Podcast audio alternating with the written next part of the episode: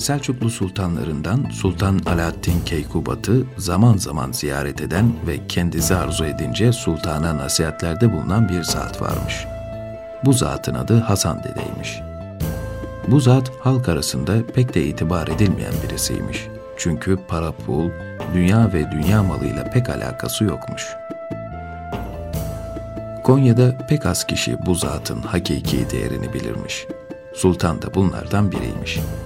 Yine bir gün Sultan Alaaddin'in ziyaretine gitmiş, bir süre sohbetten sonra Sultan Alaaddin kendisine Erenler madem boş duruyorsun, seni çarşı ağası tayin edeyim de hem meşgul olursun hem de doğru çalışmalarından dolayı halk da esnaf da memnun olurlar demiş.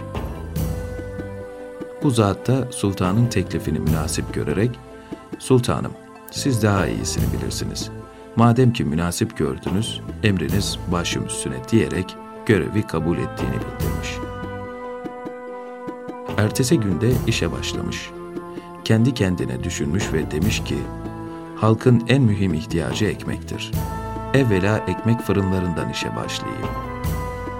Hasan dede ilk olarak karşısına çıkan bir ekmek fırınına girer, ekmekleri tartar ve hepsinin eksik olduğunu görür. Fırının sahibine kaç senedir bu işi yaptığını, maddi durumunun nasıl olduğunu, evi barkı olup olmadığını sormuş. Fırıncı 20 seneden beri bu işi yaptığını, henüz bir ev bile alamadığını, bir gün hanımının hastalandığını, onun tedavisiyle uğraşırken çocuklardan birisinin hastalandığını ya da iş yerinde bir arıza olduğunu, bunlarla uğraşmaktan 40 para arttıramadığını yana yakıla anlatmış. Hasan dede oradan çıkmış, başka bir fırına gitmiş. Orada da ekmekleri tartmış. Ekmeklerin diremi tamam olduğu gibi birkaç direm de fazla gelmiş. Hasan dede birinci fırıncıya sorduğu sualleri aynen sormuş. Fırıncının cevapları da şöyle olmuş. Bu işe başlayalı üç sene oldu. İşim çok iyi.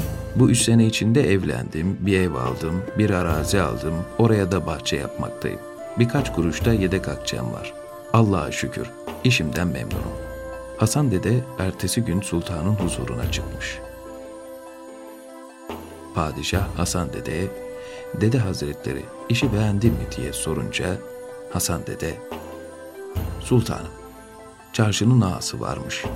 Herkesin işini öyle mizan etmiş, öyle ayarlamış ki onun yaptığı çarşı ağalığını hiç kimse yapamaz demiş. Padişah da bu ağanın kim olduğunu sorunca Dede Efendi durumu şöyle izah etmiş. Sultanım, insanlar her ne kadar öbür alemde hesaba çekileceklerse de oraya gitmeden her insan kendi yaptığının karşılığını muhakkak almaktadır. Hakkı aldatmaya kalkan muhakkak kendisi aldanmaktadır.